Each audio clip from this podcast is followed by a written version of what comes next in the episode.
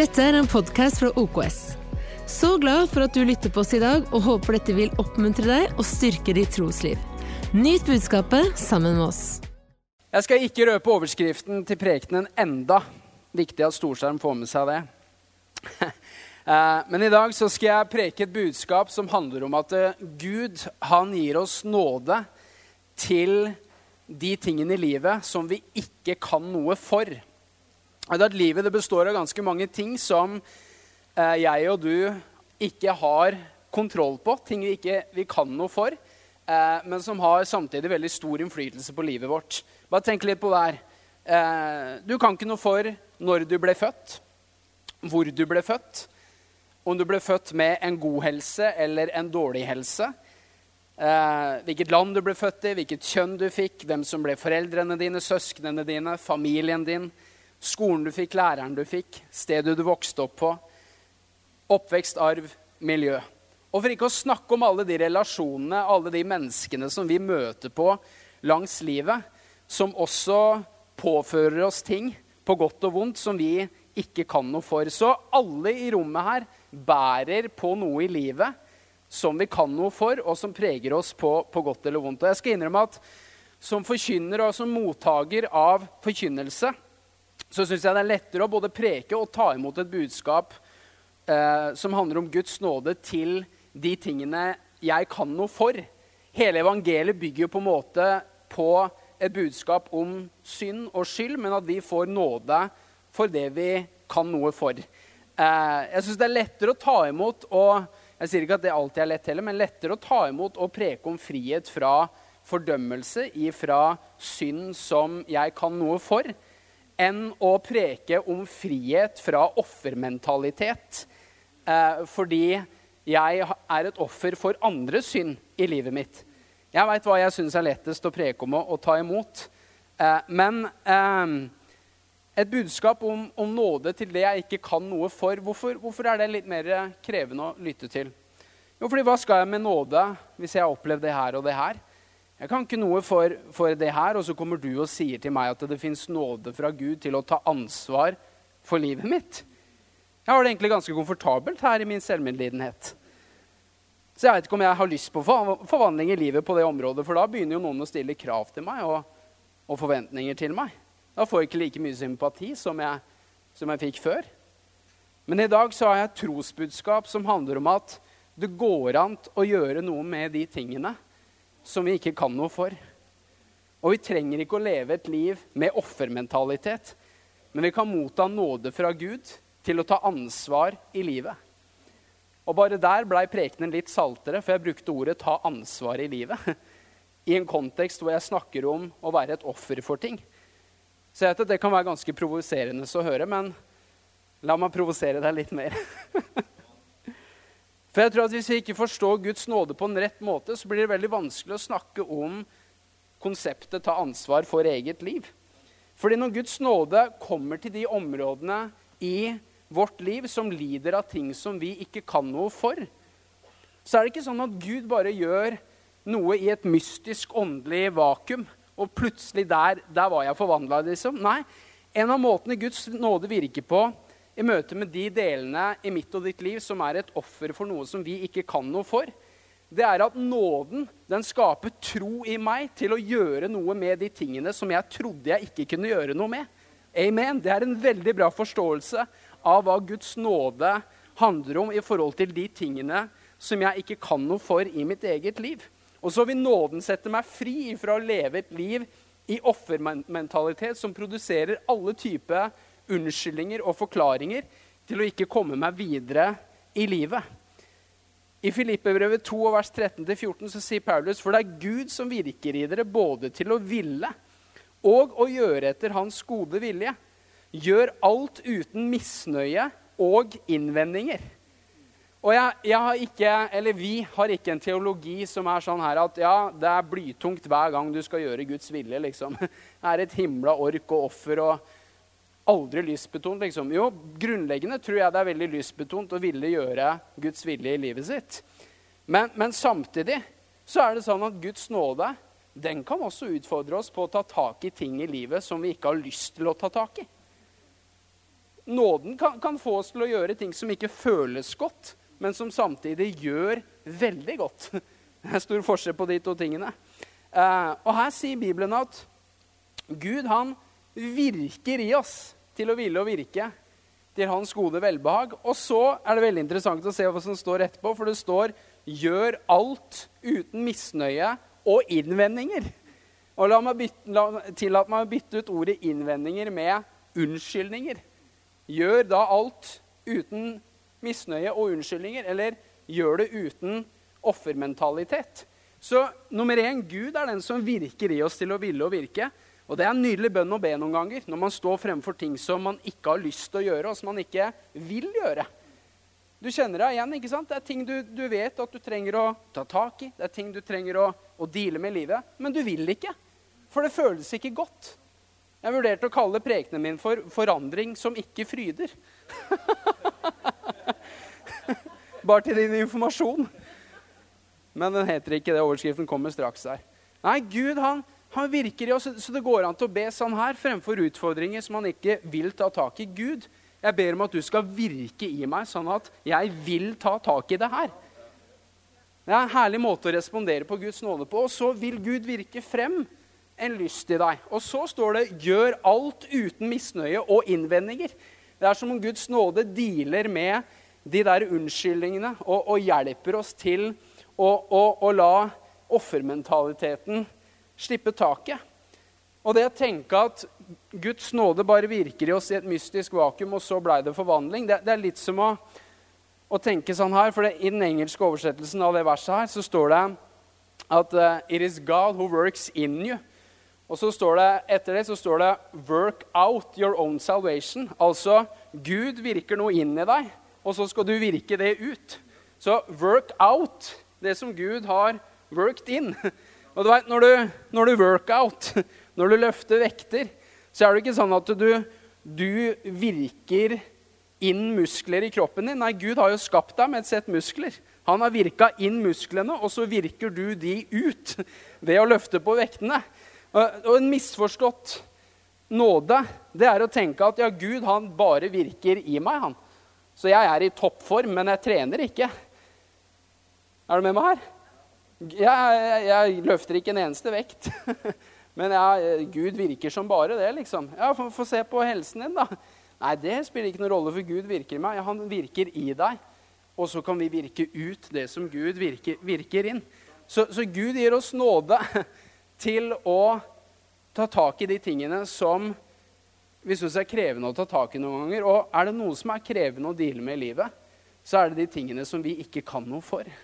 De tingene som vi Jeg vet at ordet offer er et veldig sterkt ord, men de tingene vi er et offer for, eh, kan være veldig vanskelig rent menneskelig sett å deale med. Men det fins nåde fra Gud til å deale med de tingene som vi ikke kan noe for. I Johannes 5 og vers 69, jeg driver fortsatt og innleder her, så, sier, så, er det en fantastisk historie hvor Jesus møter en syk mann. Det står sånn her. Jesus så ham ligge der og visste at han hadde vært syk lenge. Og han sa til ham, 'Vil du bli frisk?' Den syke svarte, 'Herre, jeg har ingen som kan få meg ned i dammen når vannet er rørt opp.' Og når jeg så kommer, er det alltid en annen som går uti før meg. Da sier Jesus til ham, stå opp, ta båren din og gå. Og straks ble mannen frisk. Han tok båren og gikk. Ved første øyekast kan det virke som et veldig merkelig spørsmål å stille. Vil du bli frisk? Han har vært syk i 38 år. Han ligger ved en dam som er ganske spesiell, for fra tid til annen kommer det en engel og rører opp i vannet. Og så er det sånn at førstemann som velter seg ut i vannet, blir helbreda. Og det står at Jesus visste at mannen var syk. Så jeg mener, man skulle jo tro at mannens svar var ja. Punktum. Men hans svar er ikke ja, punktum. Hva er hans svar når Jesus spør vil du bli frisk? Jo, svaret hans det er Herre, jeg har ingen til å bære meg til vannet. Det er alltid noen andre som kommer før meg, så jeg får ikke kommet ut til deg. Så hva, hva, er hensikten med Jesus' spørsmål? Jo, det er egentlig å eksponere det som virkelig eh, avsløre det som hindrer denne mannen ifra å bli gjort hel. Han var full av unnskyldninger. Ja, man kan si han var et offer for hans sykdom, Men så hadde han også tatt på seg en offermentalitet som pekte på omstendighetene sine og skyldte på at det er den skyld, det er de skyld for at jeg sitter fast her. Og så utfordrer Jesus han og sier, 'Ta sengen din, stå opp og gå.' Og så blir han frisk med en gang.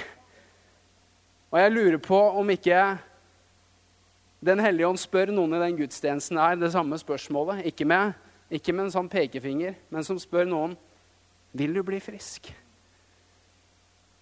Og det er ikke alltid det umiddelbare svaret på det er ja. For vi vet at hvis jeg blir frisk, hvis jeg blir gjort hel, så kommer det nye forventninger inn i livet. Så får jeg kanskje ikke like mye medlidenhet av andre. Det kommer et nytt sett med, med, forventninger. Det er det som noen ganger holder oss tilbake. Men vet du hva? Guds hjerte for deg og meg, det er ikke at vi skal bli sittende fast i offermentalitet som kom som en frukt av ting vi er et offer for. Nei, Guds hjerte for deg og meg, det er gjenopprettelse. Det er helbredelse. Det er helhet. Det er ikke å sitte fanget i en destruktiv selvmedlidenhet. Nei, det er å virkelig svare på Jesus' spørsmål. Vil du bli frisk? Ja, jeg vil bli gjort hel. Ja, jeg vil komme meg ut av det jeg sitter fast i. Og overskriften på det jeg skal preke om i dag, her kommer den. Den er lang, så hold deg fast. Når det du ikke kan noe for, blir til det du kan gjøre noe med. Og jeg skal preke ut ifra Apostlenes gjerninger 14 og vers 7 til vers 10. Og vi leser Og der står det som følger en fantastisk historie. Det står sånn her. Der forkynte de evangeliet i Lystra var det en mann som var lam i føttene. Han hadde vært vannfør fra fødselen og aldri kunnet gå. Denne mannen hørte Paulus forkynne. Paulus så nøye på ham, og da han skjønte at han hadde tro, så han kunne bli helbredet, ropte han, 'Reis deg opp og stå på føttene dine.' Da sprang han opp og gikk omkring. For en historie. Og punkt én her, det er et offer uten offermentalitet. Det står at denne mannen, han var lam, og det står at det hadde han vært fra fødselen av. Han har aldri gått. Hva betyr det? Det betyr at dette er noe han ikke kan noe for. Han er født med noe han ikke kan noe for. Han er et offer et uskyldig offer i forhold til ting som har med helsa si å gjøre. Like lite som jeg og du kan noe for utseendet vårt, kunne denne mannen noe som helst for at han var født lam. Men så skal jeg vise deg her at selv om han er et offer, så tok han ikke på seg en offermentalitet. Og la meg, la meg skynde meg å si det med en gang her. At Gud på den ene siden omfavner den som er et offer. Men så skal vi også se han utfordrer offermentalitet.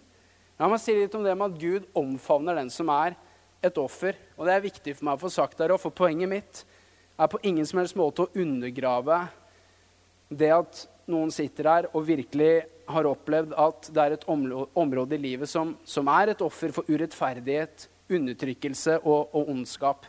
Poenget mitt er ikke å undergrave det.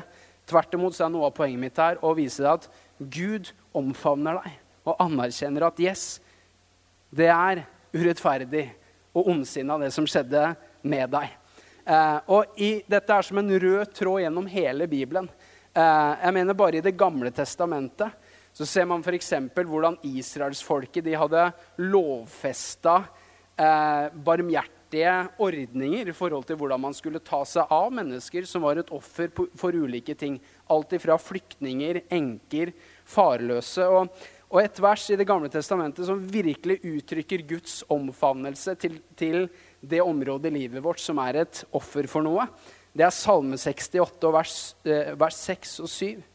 Så står det sånn her Det står Gud i sin hellige bolig er farløses far og enkers forsvarer. Gud gir de enslige hus. Så det sier masse om Guds hjerte for den som er et offer for noe. Fedreløshet, det er noe man ikke kan noe for.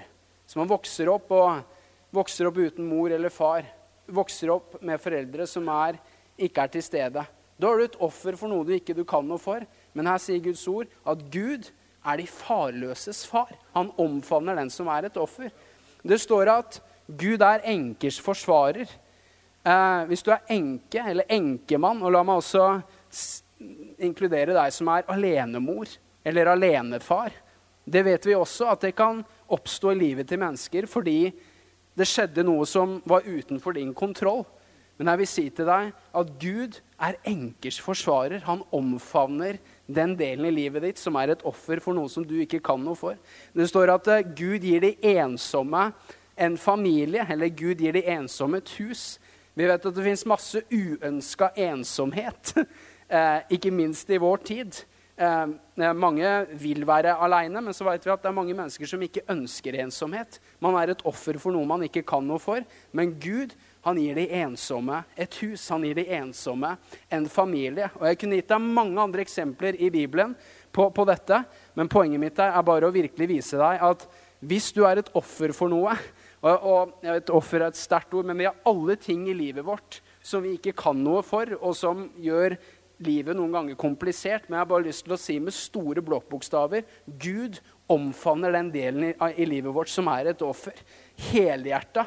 Og, og, og, jeg mener dette når jo sitt klimaks ved at Jesus blir et menneske og går igjennom alle ulike typer prøvelser som jeg og du møter på, for at han skal ha medlidenhet med den som opplever å være et offer i livet sitt. For et evangelium vi har. Så la det ikke være noe som helst tvil. Gud omfavner den som er et offer. Men samtidig så utfordrer han en offermentalitet. Eh, I Matteus 5 og vers 44 så står det sånn her. Jesus sier, 'Be for den som ondskapsfullt utnytter dere og forfølger dere.' Så her ser du både en omfavnelse av et offer, for han kaller gjerningspersonens handling for ondskapsfull utnyttelse. Så det er en omfavnelse av den som er et offer. Men samtidig så sier han at hvis du er et offer for det, så sier han, 'Be for de som gjør sånne ting mot deg.' Det er utrolig utfordrende bibelvers. Det er bare ett av mange eksempler på det jeg vil fram til her, at Gud omfavner offeret, men utfordrer en offermentalitet. Og Hva er forskjellen på et offer og, en, og, på det å ha en offermentalitet? Tilbake til den lamme mannen i Apostelens gjerninger 14 her. Eh, så er vi alle enige om at han er et uskyldig offer for det som har med helsa hans å gjøre. Han er født lam. Han kan ikke noe for det. Eh, og det er også på en måte en god definisjon på hva det vil si å være et offer for noe som man, man ikke kan noe for. Eh, han, han, var, han, var, lam, eh, og, og, han blir paralysert. Og er det ikke det som skjer når ting rammer oss, når ting blir ufrivillig påført oss? Vi blir paralyserte. Det, stopper opp. Vi, vi, blir, vi, blir, litt lamma, rett og slett. Eh, og det, det, er helt ok og menneskelig. Sånn er det når ting blir påført oss som er utenfor vår kontroll. Eh, men så syns jeg at denne mannen her er et fantastisk eksempel på at selv om ting rammer oss som gjør at en del i livet blir lamma, så betyr ikke det at da må jeg ta på meg en offermentalitet som også gjør at andre områder i livet blir lamma. Men det er det som skjer når vi tar på oss en offermentalitet. Men hva gjør denne lamme mannen her? Jo, det står at han var lam, han hadde vært det fra mors liv av. Men så står det så nydelig at denne mannen hørte Paulus tale. Så han valgte å høre på noen, noen, som hadde noe annet å si enn kanskje fristelsen av å lytte for mye til sin egen selvmedlidenhet. Og lytte for mye til sin offermentalitet. Nei, denne mannen hørte det som Paulus hadde å si. Hva var det Paulus hadde å si? Jo, det står Paulus forkynte evangeliet for ham. Han forkynte han gode nyheter. Han, han forkynte han om, om, at Jesus har gjort noe med det som du ikke tenker at du kan gjøre noe med. Han forkynte de gode nyhetene om hva Jesus hadde gjort. Og så ser vi hvordan han får tro til å bli helbreda. Han har aldri gått før, og han, ørene blir tuta full av gode nyheter. Og Paulus preker så vanvittig bra og setter blikket inn, og så ser han at han får tro til å bli helbreda. Og så roper han ut til han, 'Reis deg opp på beina og gå!' Og hva gjør han? Reiser han seg opp? Nei, det står 'Han spretter opp', står det. Han hopper opp! Og så begynner han å gå. vet du, Evangeliet er så kraftfullt. Evangeliet er så mektig. Det er, så, det er sprengkraft i evangeliet. Eksponer ørene dine for evangeliet. Ja, det er vondt. Ja, det er vanskelig. Ja, det er tøft. Men du trenger ikke å la det som skjedde, hindre deg i forhold til å lene ørene dine inn i evangeliet. Og la det produsere tro i deg som gjør at du kan reise deg opp og begynne å gå på beina dine igjen og komme deg videre i livet. Amen. Amen. Og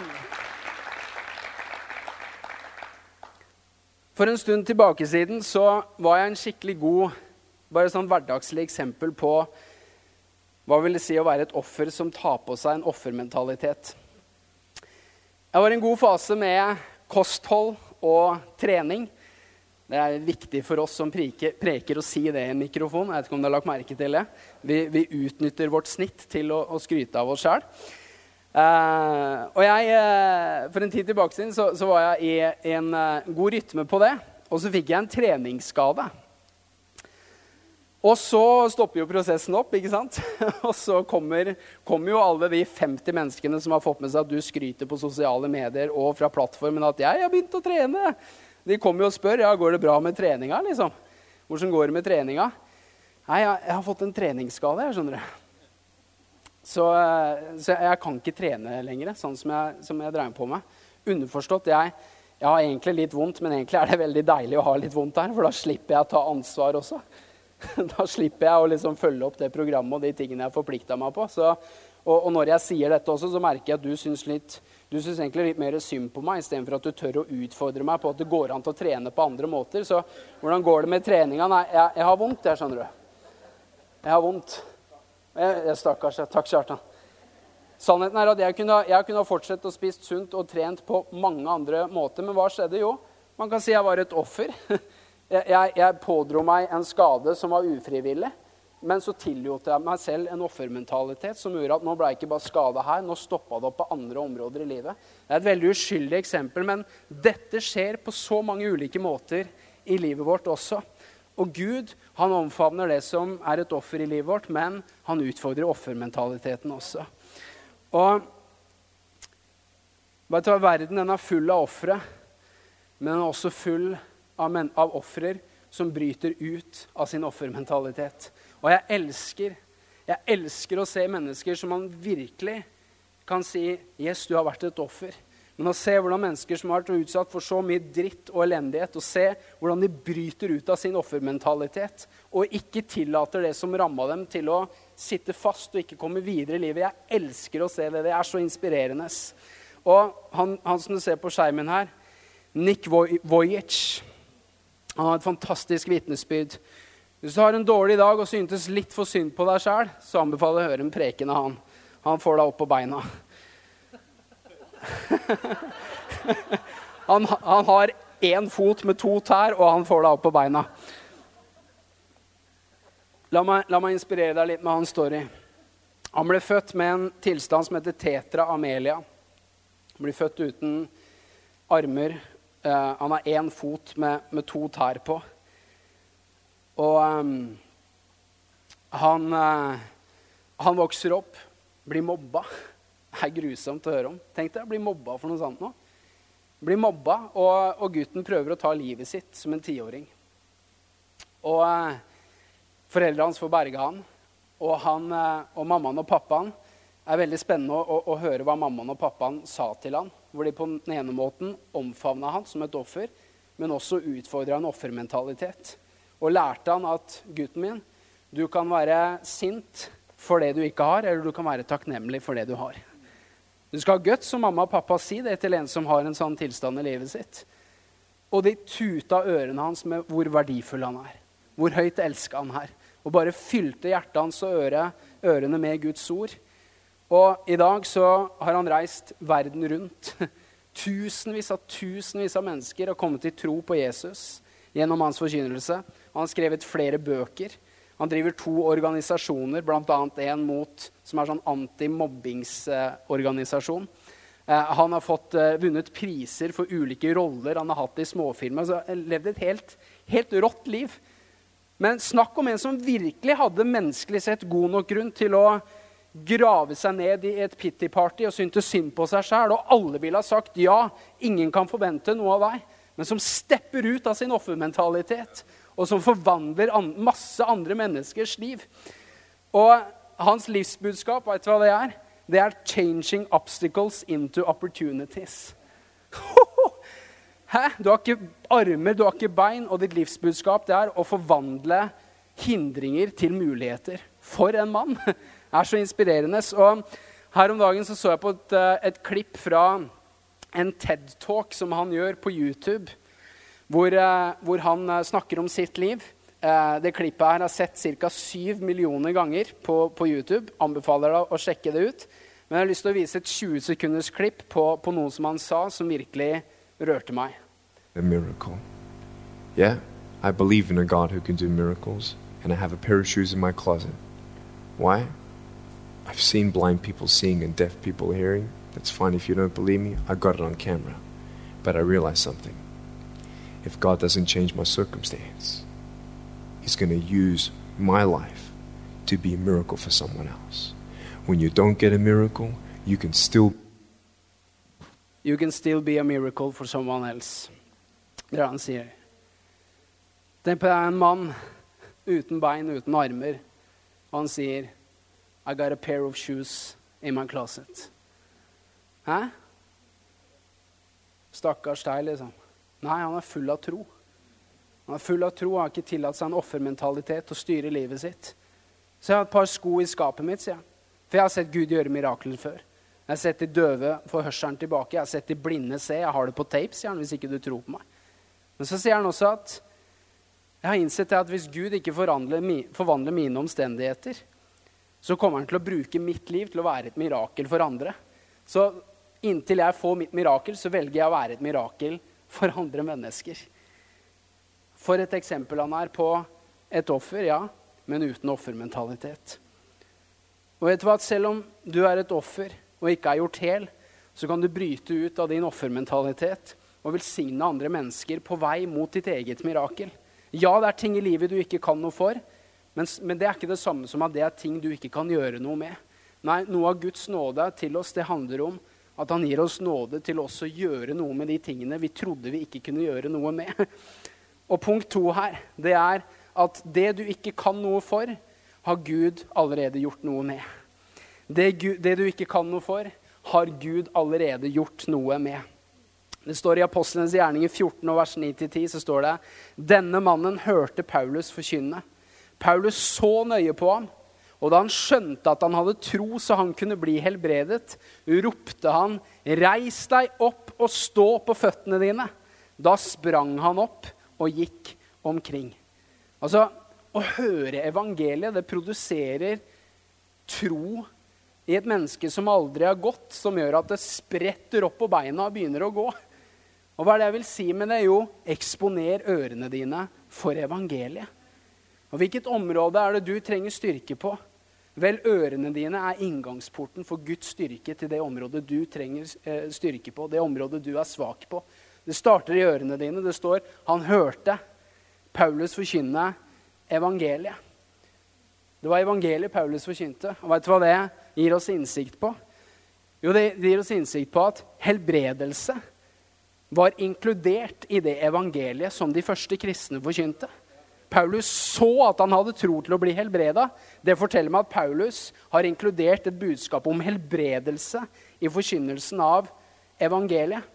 Og det fins bare ett evangelium. Og i det ene evangeliet så fins det tilgivelse for ting vi kan noe for. Men det fins også helbredelse for det du ikke kan noe for. Det fins legedom og gjenopprettelse også for de tingene du ikke kan noe for. Du er ikke ment å skulle sitte fast i det. Nei, Guds hjerte for deg er frihet, gjenopprettelse, helhet, helbredelse, bevegelse. Det er Guds hjerte for deg. Og for en mektig demonstrasjon av trosforkynnelse det, den, det eksempelet her er.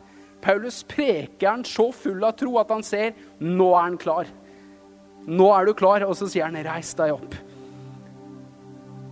Og vet du hva? Det du ikke kan noe for, det har Gud allerede gjort noe med. I Jesaja 53 og vers 4 og 5 og vers 10 så står det sånn her om min og din frelser. Og La dette synke inn i ørene dine, og la det gå ned i hjertet ditt. Og skape tro i deg, sånn at du kan ta imot det som Jesus allerede har gjort for deg. Hør på det her. Sannelig, våre sykdommer tok han på seg. Og våre smerter bar han. Vi trodde han var blitt rammet, slått av Gud og plaget. Men han ble såret for våre overtredelser og knust for våre misgjerninger. Straffen lå på ham for at vi skulle ha fred. Ved hans sår har vi fått legedom. Og vers 10 sier det var Herrens vilje å knuse ham med sykdom. Dette er en profeti om hva som skjedde når Jesus døde på korset. Sett med menneskelige øyne så er det sånn som vers 4 sier. Vi trodde han var rammet, slått av Gud og plaget. Ja, Det er den ytre scenen, men så kommer profeten og ved Den hellige ånd forteller oss hva som skjedde fra Guds perspektiv. Og hva skjedde? Jo, det står våre sykdommer skal han en gang ta på seg. Nei, det står sannelig våre sykdommer tok han på seg. Det står og våre smerter skal han bære. Nei, våre smerter bar han, står det. Og det står ved hans sår skal vi få legedom. Nei, det står ved hans sår har vi fått legedom. Og det står også det behaget Herren å knuse ham med sykdom. Kan du se, grammatikken er fortid. Det du ikke kan noe for, har Gud allerede gjort noe med. Og ved Jesus sine sår kan jeg, kan jeg preke litt om Jesus sår her de tre siste minuttene. Jeg har sett dette skje når jeg har forkynt om dette før. Mennesker sitter og hører det og tar imot helbredelse mens de sitter og hører på. Jeg tror det kommer til å skje nå. Jeg tror akkurat nå sitter noen, og du kjenner troen reiser seg opp på innsiden av deg. Vel, bare len ørene dine inn Jesus sine sår, for ved de sårene har du fått legedom. Det du ikke kan noe for, og jeg snakker ikke bare om fysisk helbredelse, jeg snakker om også helbredelse for ting som sitter i sjelslivet ditt. Det som har med din psykiske helse også. Det er både en prosess, og det kan også skje gjennom momentante mirakler. Gud jobber på begge måter. Men ved Jesus sine sår har du fått legedom. Hvordan fikk Jesus sår på kroppen sin? Jo, Jesus ble slått. Han ble slått med knyttnever. Han ble slått med stokker. Han fikk en tornekrone tredd ned på hodet sitt. Han ble pisket med mange piskeslag på kroppen sin. Han fikk nagler gjennom hendene sine og nagler gjennom føttene sine. Det var et så grufullt syn at mennesker måtte snu ryggen til det. Tålte ikke å se på det. Så fælt var det. Vet du hva? Ved de slagene, ved de sårene, har du fått legedom. Han bar dine sykdommer. Han bar dine plager. Han tok det på seg. Sånn at når slagene traff kroppen til Jesus, så kommer det sår på kroppen til Jesus. Men en annen måte å se det på, det er at hver gang et slag treffer Jesus, så er det ikke bare et sår som kommer på kroppen til Jesus, men der ble din plage lagt på kroppen til Jesus. Der ble din sykdom lagt inn i kroppen til Jesus. Der ble det som er uhelbredelig, der blei det helbredelig. Der blei det som er kronisk, det blei midlertidig. Ved hans sår har du fått legedom. Og Peter han sier også dette. Nå er vi over på den andre siden av korset. Eh, Jesaja profeterer 700-800 år om hva som skulle skje. Så kom Jesus og gjør det. Og så er ordlyden ikke forandra på etter Jesus har dødd og stått opp ifra de døde. La meg bare avslutte med å lese det her. Det står 1. Peter 2, 24, På sin egen kropp bar han våre synder opp på treet, så vi skulle dø bort fra syndene og leve for rettferdigheten. Og så står det ved hans sår ble dere helbredet. Det du ikke kan noe for, har Gud allerede gjort noe med. Og Derfor så er ikke spørsmålet om Gud kan eller vil helbrede deg. Nei, det er på en måte tilbakelagt. Din legedom, din helhet, din frihet, er kjøpt og betalt for av Jesus Kristus på korset. Så spørsmålet er ikke om Gud vil eller kan. Spørsmålet er heller hvordan tilegner vi oss det som Gud allerede har gjort noe med. Og vet du hva det jeg driver med nå? Det er et eksempel på trosforkynnelse. Akkurat som Paulus forkynte til den lamme mannen ved Jesus sine sår har du fått legedom. Han sier det til en som aldri har gått før. Og så reiser troen seg opp i han, og Paulus ser nå er du klar. Nå kan du respondere. Og det, det lærer oss også. For det, det står ikke hvor lenge denne mannen måtte høre Paulus tale. Var det 30 minutter? Var det én time? Var det tre timer? Var det fem timer? Det veit vi ikke. Og jeg, jeg, er veldig glad for at det står det ikke heller, for jeg veit at da hadde vi lagd en regel ut av det som sa at hvis du hører to timer, da, da, er du klar, liksom. Ja, hva med de som ikke var klar om to timer? Jeg kjenner mennesker som har brukt to år, jeg. Jeg kjenner mennesker som nesten har brukt et helt liv på å høre, og så blei de, ble de klare. Og det er også bare min praktiske oppmuntring til deg som opplever at det er områder i livet som du ikke kan noe for. Vel, Gud har gjort noe med det du ikke kan noe for. Og så lener du ørene dine inn i evangeliet, og så gir det deg tro. Det gir deg tro til å gjøre det som er umulig, det blir plutselig mulig. For ingenting er umulig for Gud, og alt er mulig for den som tror. Så evangeliet det er de gode nyhetene om hva Jesus har gjort. Og når du, når du hører det, så skaper det tro i deg til å ta imot det til å respondere på det. Amen. Skal vi lukke igjen øynene? Å, tida går så fort her oppe. Men vi må avslutte.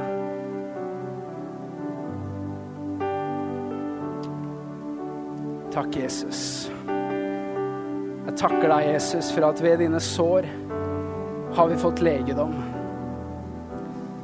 Og i Jesu navn så, så taler jeg til områder i menneskers liv som har vært utsatt for ting som gjør at de er virkelig et offer. Men jeg taler til de menneskene nå. Jeg taler til deg som, som kjenner at du er et offer pga. ulike ting. Kanskje det er ting du er født med, ting som har blitt påført deg andre mennesker.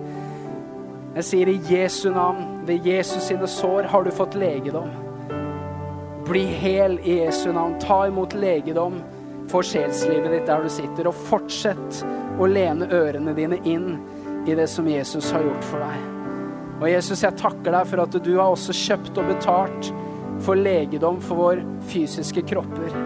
Jeg takker deg for at din kraft er her til å gjøre mennesker friske og hele. Takk for at din ånd kommer over mennesker nå og gjør de, helbred, og gjør de hele. Takk for at din ånd her er og kommer over mennesker og helbreder. I Jesu navn så takker jeg deg for det. I Jesu navn. Takk for at du tok deg tid til å lytte på en av våre podcaster fra OKS. Vår visjon er å bringe Jesus til mennesker i vår verden, og mennesker i vår verden til Jesus. Følg oss ellers på vår YouTube-kanal og sosiale medier. Du er velkommen til å besøke en av våre kirker. For mer informasjon, sjekk ut oks.no.